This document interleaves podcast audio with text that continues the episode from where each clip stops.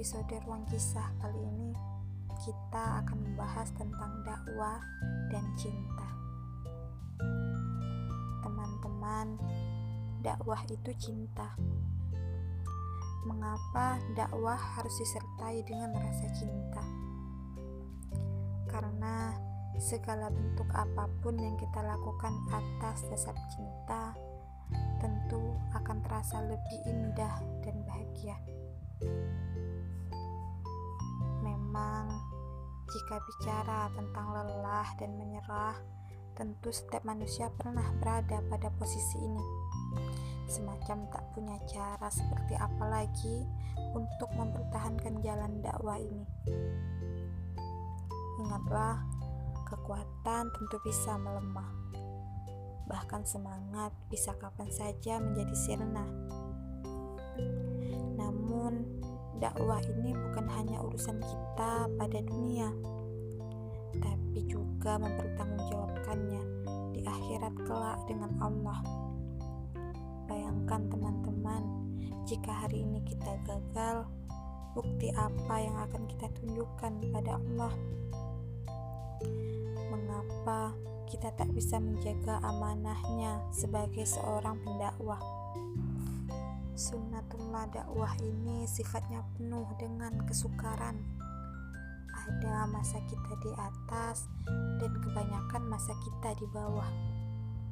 Ada masa kita menerima kesenangan dan kebanyakan masa dengan dakwah kita diuji dan ditimpa kesusahan.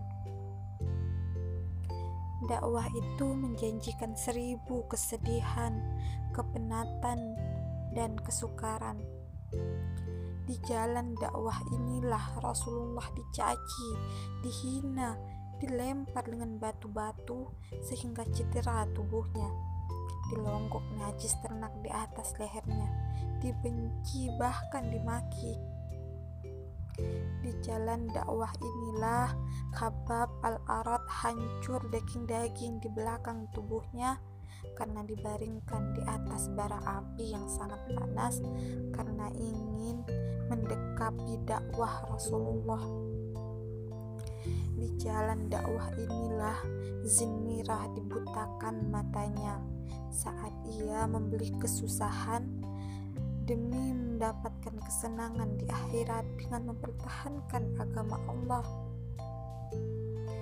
Walau seberat mana ujian yang mendatang, mereka tetap memegang berada dalam kedekapan dakwah. Dengan menegakkan al-haq masih mengingati janji-janji Allah. Biar terkorban segala nikmat dunia demi sebuah surga Allah yang pasti. Itu himmah mereka, itu semangat mereka dalam mendekapi dakwah ini. Jika bukan golongan terdahulu yang berkorban, Islam itu tidaklah sampai pada kita sekarang. Dan hari ini, siapa yang akan menyambung perjuangan mereka? Siapa yang akan menjadi mata-mata rantai dakwah itu? Siapa? Dia kamu, mereka, atau kita sendiri yang harus bangun. Jika kesenangan yang dirasai bukanlah dakwah namanya, jika kelapangan yang dirasai itu bukan dakwah namanya, jika keseronokan yang dirasai bukan dakwah namanya. Dakwah ini penuh kesukaran dan penuh kepayahan. Namun telah Allah janjikan kesenangan untuk kita nikmati di akhirat yang kekal. Memang akan ada masanya seorang dai, aktivis dakwah mengalami masa suntuk dalam bergerak enggan kembali ke aktivitas-aktivitas dakwahnya dan lebih memilih diam dalam renungannya. Itu hal wajar. Akan ada masa-masa itu. Mungkin dirimu atau kita terlalu lelah dengan aksi-aksi kebaikan, syiar-syiar dakwah yang tak mengenal waktu, yang justru membuat diri kita lalai dalam beribadah. membuat ibadah malam berkurang, tilawah mengendur, bahkan duha pun sering kita lewatkan. Padahal sudah menjadi hal yang seharusnya seorang pendakwah harus terwarnai dengan nilai-nilai Islam di dalam dirinya sebelum dirinya mewarnai orang lain dan lingkungannya dengan dakwah Islam. Kalau sudah seperti itu, ambillah jarak sejenak, ambillah waktu untuk sendiri untuk merenungi perjalanan-perjalanan selama ini. Bangunlah di sepertiga malam dan ingatlah nikmat-nikmat Allah selama ini. Nikmat hidayah, nikmat persaudaraan, hidup dengan orang-orang baik yang selalu mengingatkan kita dalam kebaikan. Berbaharui niat-niat kita kembali, alasan kenapa selama ini kita masih berjuang. Karena jika Allah yang sudah menjadi tujuan, maka biarlah dia yang menghapus lelah dan letih dalam perjuangan.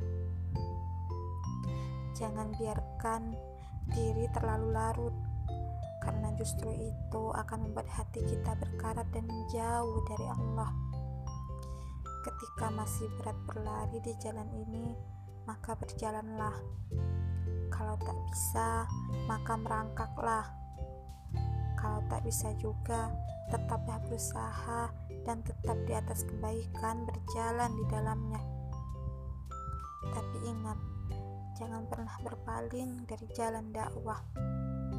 Tak mengapa untuk memberi sedikit jeda, tapi tidak untuk menyerah. Ya Allah, pinjamkanlah kami keberanian dan ketangkasan sahabat-sahabat terdahulu ketabahan dan kecekalan hati-hati mereka yang telah kau pilih untuk terus tegar mencintai jalan dakwahmu ini. Kasih. Semoga kisah ini bermanfaat untuk saya dan untuk teman-teman semua. Sampai bertemu lagi di episode-episode selanjutnya dengan ruang kisah yang berbeda dari para relasi yang berbeda juga. Assalamualaikum warahmatullahi wabarakatuh.